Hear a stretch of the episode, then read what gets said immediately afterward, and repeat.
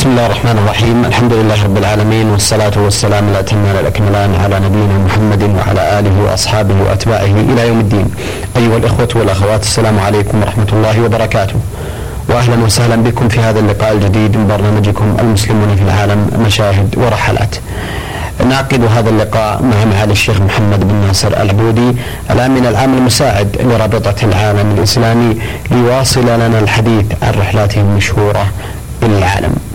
آه الحديث لا زال متصلا عن الهند آه ولاية تلو ولاية تعقبها معالي الشيخ محمد واتحفنا بالعديد من المعلومات المهمة آه من الخاصة والعامة عن كل ولاية حظيت بزيارة من معاليه. وتوقف الحديث آنذاك في الأسبوع المنصرم عن ولاية آسام الهندية لنعقد هذا اليوم الحلقة الأخيرة من الحديث عن ولاية آسام بالذات وعن الهند عموما. في مطلع هذا اللقاء باسمكم جميعا أرحب بمعالي الشيخ محمد وأشكر له تواصله. فأهلا فأهلا ومرحبا بكم. شكر الله لكم حسن ظنكم المتواصل وشكر الله للإخوة المستمعين حسن استماعهم وحسن ظنهم أيضا وحرصهم على سماع وحرصهم على سماع هذه الحلقات وقد وصلتني آه، كتب من بعضهم وبعضهم أرسل إليك أنت الكتب أنت يا أخ محمد ويحسنون الظن ويعبرون عن رغبتهم في مواصلة هذه الحلقات والحديث عن الأخوة المسلمين في العالم. ولذلك فإننا سوف نستجيب لرغبتهم في موضوع مواصلة هذه الحلقات إن شاء الله ونقول إننا آه، لدينا الآن بقية قليلة من الحديث عن الهند وعن ولاية آسان بالذات. وسوف نبدأ الحديث إن شاء الله بعد الانتهاء من الحديث عن الهند بالحديث عن الصين نبدأ الحديث عن الصين. وربما يستغرق بعض الوقت لأن الصين بلاد شاسعة واسعة وتكاد تكون غامضة لكثير من الإخوة المسلمين واقصد من ذلك الإخوة المسلمين المتطلعين إلى أخبار إخوانهم المسلمين وإلى الأخبار العامة عن البلاد البعيدة. بالنسبة لآسام بقيت فيما اظن بقية قصيرة للحديث عنها ومن ذلك أننا آه، أن أحد إخواننا النشطين الذي كان ملازما لنا وكان يخدمنا محبة آه، لاخوانها المسلمين القادمين من بلاد الحرمين الشريفين اي يخدمنا لله واسمه فهيم الزمان ابن خليق الزمان. فهيم الزمان ووالده اسمه خليق الزمان قال لي لابد أن تدخل إلى بيتي وبيته في هوجائي التي ذكرتها في الحلقة السابقة في أسام ولا بد أن تدخل بيتي وتشرب فيه الماء من شجرة النارجيل من ثمر شجرة النارجيل ولا بد أن آه، يسلم عليك والدي خليق الزمان. قلت له بواسطة المترجم لأنه لا يعرف اللغة العربية ما معنى خليق الزمان؟ فذكر أنه لا يفهم معناه وكذلك والده المسمى به لا يفهم معناه. دخلنا بيته في هجائي وسلمنا على والده خليق الزمان وقدم لنا شراب النارجيل من شجرة من شجرة في البيت في حديقة البيت البيت له حديقة صغيرة وكذلك فاكهة أخرى محلية لا أذكر اسمها الآن وسلمنا على والده. وهذا الشجر هو من ثمر النارجيل المسمى جوز الهند ولكنه إذا كان حديثا غضا فإنه يكون فيه ماء وليس فيه دهن. فيقطع هذا الماء والشجرة كبيرة الحجم لأنها لم تنكمش بعد. أنها إذا آه، إذا نضجت انكمشت إلى نصف حجمها وصارت أشبه ما يكون صارت مليئة بالزيت الذي هو زيت النرجيل المشهور. شربنا الماء وجلسنا فترة ثم خرجنا منه وذهبنا إلى شيء فيه غرابة وهو معمل تقطير العود يعني المعمل الذي يستخرج فيه دهن العود من خشب العود. هذا المعمل يملكه مرافقنا وصديقنا والذي سهل آه هذه الزيارة آه بعد تسهيل الله سبحانه وتعالى وهو الأخ بدر الدين أجمل فذهبنا إلى المكان فوجدنا مكانا مستطيلا أشبه ما يكون بالغرفة الواسعة إلا أنه مفتوح. من أحد الجوانب وفيه أربعة وأربعون مرجلا والمرجل هو الأكبر من القدر وهو الذي يطبخ فيه الأشياء ويتكرر فيه يسمى مرجل لأن النار تحته مستمرة. وهذه الأربعة والأربعون مرجلا على هيئة قدور ضخمة. فيها العود وفي في العود موضوع فيه فيه آه، مياه وهي آه، النار تشتعل وكلها لابد أن تكون بحطب جزل. ولا أدري هل درسوا موضوع استبدال حرارة النار مثلا بالغاز لم أسألهم عن ذلك ولكن هذه طريقة قديمة عندهم. فهم هذه المراجل كلها مغلقة ما عدا آه، نفس قليل بطريقة الأنبوبة. فهم يطبخون العود الذي هو خشب العود فيخرج بخاره يخرج منه بخار مع هذه الأنبوبة الصغيرة في المرجل وبعده عندهم ماء بارد غالبا يكون بارد حتى يتكثف البخار الذي يخرج من هذا المرجل الذي هو كما قلت أشبه بما يكون بالقدر الكبير فيتكثف ويصير دهنا من دهن العود قليل ويجمعونه قليلا قليلا فيكون دهن العود هذا الذي نعرفه. وقد أهدوا إلي آه، منه آه، في آه، قارورة صغيرة فوجدت أنه أفخر ما رأيته وأفخر ما استعملته من دهن العود لأن هذا صافي 100% أما تجار العود ولا أقول أن جماعاتنا اخواننا منهم ولكن الذي درج عليه تجار العود في الهند أنهم يأخذون دهن العود الصافي ثم يضيفون إليه مادة زيتية. هذه المادة ليس لها طعم ولا رائحة وتمتزج بالعود. فالذي يراه يظن أنه كله من دهن العود ولذلك يشم فيه الرائحة ولكنه ليس كله من دهن العود بدليل أنه إذا وضع نقطة منه على طرف إشماغه أو غترته أو طرف ثوبه فإنه إذا كان صافيا يبقى يومين أو ثلاثة رائحته. أما إذا كان مثل هذا الذي مخلوط فإنه لا يبقى إلا مدة يسيرة ممكن نص ساعة أو ربع ساعة. وقالوا وقد أخبروني أن هذا العود الذي يطبخ هذا يعني أحسن تعبير الذي يكون في الماء يغلي أنهم لا بد من أن ينقعوه في الماء لمدة شهر. أي يضعوه في الماء في الماء لمدة شهر قبل أن يدخلوه هذه المراجل التي تطبخه وذلك لكي يستخلصوا منه العود. وأخبروني أيضا أنهم بعد أن يأخذوا هذا البخار آه، ويكثفوه الذي هو فيصبح من دهن العود فإنهم يضعونه في الشمس حتى يتبخر الماء منه الذي خلطه ويبقى دهن العود آه، الخالص. وهذا كما ترى أو كما تسمع هي هو آه، عمل مضني ومجهد ولكنه دهن العود يستحق لأنه يبيعون الجيد في الهند يبيعون التولة التي هي عشرة جرامات بعشرة آلاف ربية أي نحو 800 آه، أو 700 ريال ويباع عندنا بأكثر من ذلك إذا كان فاخرا. قلت لهم ماذا تصنعون بالعود الذي يستخلص منه الدهن؟ هل تستفيدون منه قالوا من جهة البخور لا يصلح بخورا ولكننا نستفيد منه بطريقة أخرى إنه يصلح لما يسمى عندنا في المملكة العربية السعودية بالند والند غير ذلك وهو العيدان المكسوة بمثل هذا العود على هيئة مشارة من الخشب الدقيق وهذا العيدان آه، آه، يوضع في طرفها نار يعني آه، نار في طرفها ثم تستمر تدخن وتطلق رائحة طيبة.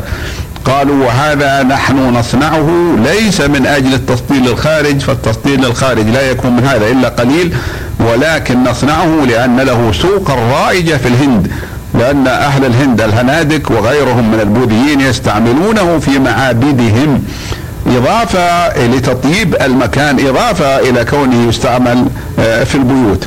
هذه من الأشياء السياحية التي نحن حرصنا على رؤيتها لأن هذه أول مرة أنا أراها في حياتي.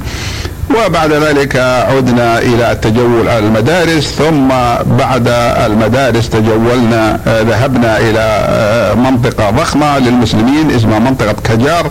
وأحب أن أقول قبل أن نغادر أو قبل أن نكمل الحديث عن هوجائي هذه المدينة التي ذكرتها أن عدد سكانها هو آه، ثلاثة وتسعون ألف نسمة وأن نسبة المسلمين فيها هي ثلاثون بالمئة. وهذه نسبة جيدة ولكن إذا أضفنا إليها أن المسلمين آه، بيدهم الثراء وبيدهم المكانة آه، نجد أن نسبة 30% لها فعالية أو لها أثر أكثر من نسبة 70 أو 80% منطقة كجار ذهبنا إليها بالقطار آه، من الساعة الثامنة والقطار يسير إلى طلوع الفجر لأنه لا يسرع ويقف في القرى وهذه المنطقة فيها مسلمون كثير ولا أعتقد ووجدنا فيها مؤسسات إسلامية كثيرة ووجدنا الخصب العظيم والأنهار الكثيرة والمياه الكثيرة والأرز الذي هو المحصول الرئيسي موجود في أي مكان اتجهنا إليه ووجدنا فيها أعظم من ذلك وهم عندنا وأهم عندنا وهو عواطف الإخوة المسلمين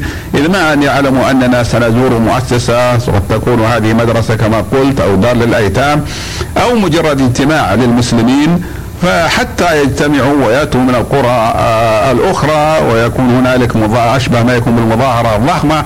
وقال يا إخواننا إننا لا نكره ذلك بل نحبه لكي يعرف مواطنون من الهنادك أن لنا إخوانا لنا في المملكة العربية السعودية يزوروننا ويعتنون بنا وأننا لنا اتصال بهم وأننا لسنا مقطوعين في العالم ويقولون إن المملكة العربية السعودية يحرص الجميع من أهل الهند وبخاصة من النابهين ومن الأثرياء على تقوية الصلات بها لأجل المصالح والمنافع الاقتصادية. أحسنتم على الشيخ محمد. أعتقد أن آه، عند هذا الحد آه، يتوقف الحديث عن آه، الهند أو ينتهي الحديث عن الهند على الأصح في ختام رحلات استمرت أكثر من عشرين حلقة. تحدث معالي الشيخ محمد بن ناصر العبودي فيها بحديث أجزم آه، من خلال ما استمعت إليه من كثير من الذين أشادوا بهذه الأحاديث واللقاءات خصوصا فضلا عن اللقاءات السابقة التي قدمها معاليه عن زياراته ومشاهداته آه، ومطالعاته في العالم. آه، أعتقد أن كان هذا ختاما للحديث. عن الهند مع الشيخ. نعم هذا آه ختام للحديث عن الهند الذي آه ذكر بعض الناس أنه طويل ولا أقول أنهم يقولون اختصر ولكنهم رأوا أن كانوا يظنون أن الحديث عن الهند لا يستغرق كل هذا الزمن وكل هذه الحلقات. الحقيقة أعتقد يعني في مجال الحديث عن الإطالة أو الإسهاب آه، أنا من أولئك الذين لم أكن أتوقع أن الهند سيكون لها هذا العدد الكبير من الحلقات. كنت أتوقع أن الحديث مع معاليكم سوف يقتصر على حلقة أو حلقتين عن الهند لكن في الحقيقة آه، آه، ما حظيت به الهند من زيارات متتابعة ومتعاقبة من معاليكم فضلا عن الحس الإسلامي الذي آه، تحظون به والذوق الأدبي الذي الذي تتكلمون عبره والجوانب المهمة التي آه، منحكم آه، الله سبحانه وتعالى إياها في طريقة حديثكم وتطرقكم للزيارات التي قمتم بها. معالي الشيخ محمد الحقيقة من خلال ما أستمع إليه كثير من الإخوة والأخوات الذين يبدون مشاعرهم تجاه هذا البرنامج والتقاطهم لكل كلمة تلقونها عن أحوال المسلمين في العالم. آه، يتساءل البعض عن آه، القصور آه، الإعلامي العام الذي يحاط بهذه الزيارات التي تقوم بها. صحيح أن إذاعة القرآن الكريم هو جهد كبير ولله الحمد يقدم الآن من خلال تسليط الضوء على هذه الزيارات التي قام بها عليكم. لكن الأدوار الإعلامية الأخرى من صحافة وغيرها هل هو آه، يعني اعراض من معاليكم عن هذه الجوانب أو أنه آه، عدم يعني لا أهمية لمثل هذه الجوانب المهمة التي قد يشغلكم عنها مشاغلكم العديدة سواء في التأليف أو الرحلات أو عملكم الرسمي في الرابطة. هل فعلا هناك قصور نحو تسليط الضوء على رحلات معاليكم وعلى جولاتكم. شكر الله لكم هذه العبارات الطيبة التي تدل على حسن الظن وعلى تقدير أخيكم وبخاصة تقدير حديثي على الإخوة المسلمين في الهند آه، خاصة وفي البلاد الأخرى عامة.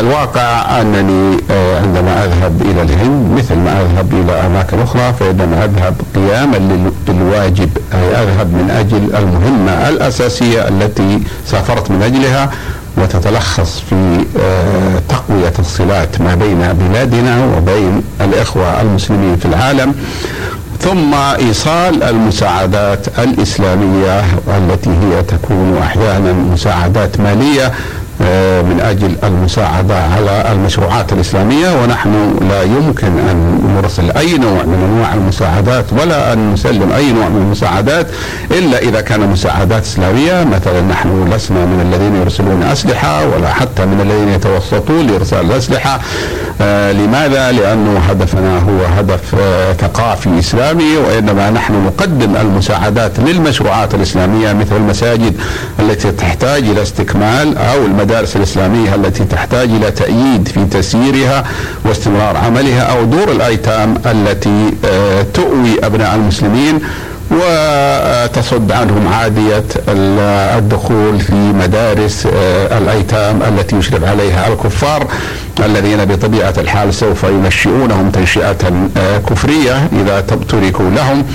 وأما موضوع الإعلام أو ما يمكن أن يسمى بالدعاية والدعاية كما نعلم آه، هي آه، أقل مجاملة أو أقل آه، أقل روحانية من الإعلام. فالإعلام قد يكون إعلاما إسلاميا بمعنى أنه ينشر الشؤون الإسلامية وقد يكون غير ذلك. أما الدعاية فالناس افترضوا أنها لمجرد آه، أن تقنع الناس بما تريد سواء كان ما تريده جيدا أم لا وسواء كان دينيا أم دنيويا أو غير ذلك أم سياسيا.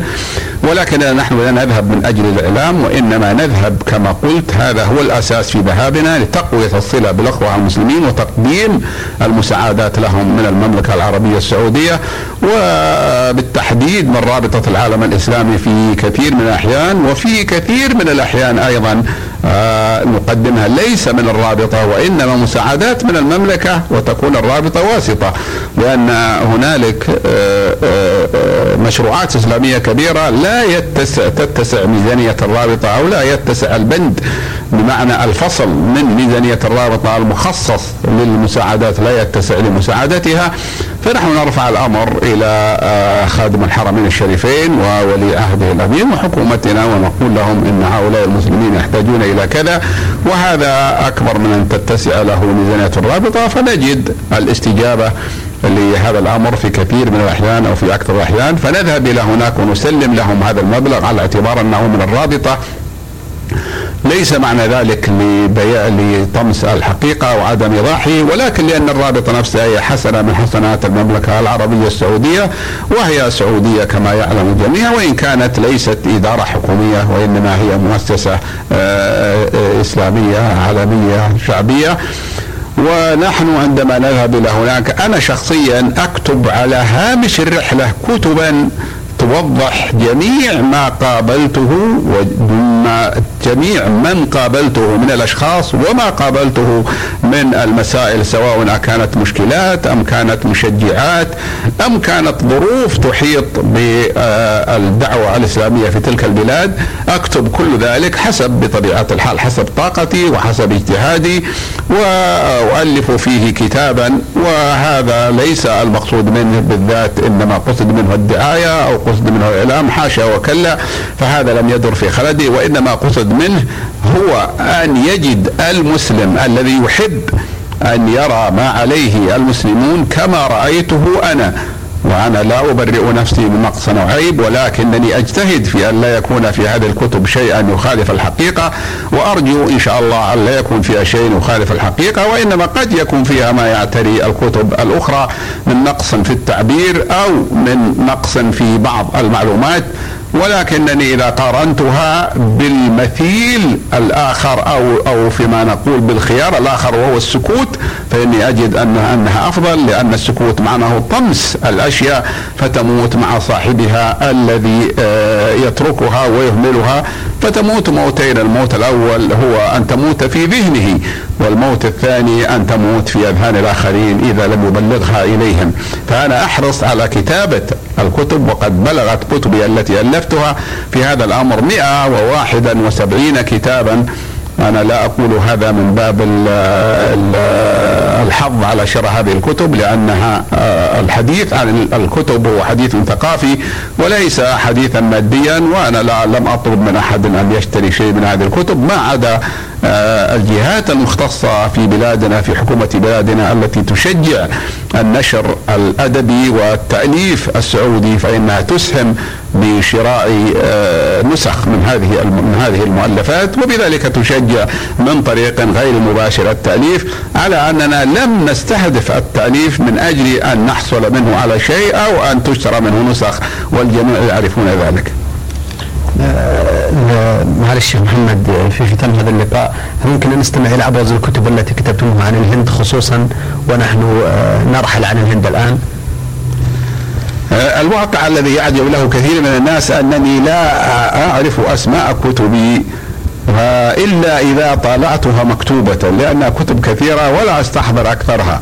وحتى في الهند أنا أصدقك القول أنني لا أعرف أسماءها. من الممكن أن أتذكر اسم ثلاثة كتب اربعه كتب لكن البقيه لا اعرفها لأن كتبت نحو 20 كتابا أو 18 كتابا عن الهند. طبعا منها نحو 10 والبقية آه، لا أعرفها. من العجيب أن آه، يقول الإنسان أنه لا يعرف أسماء كتبه ولكن هذا هو الواقع.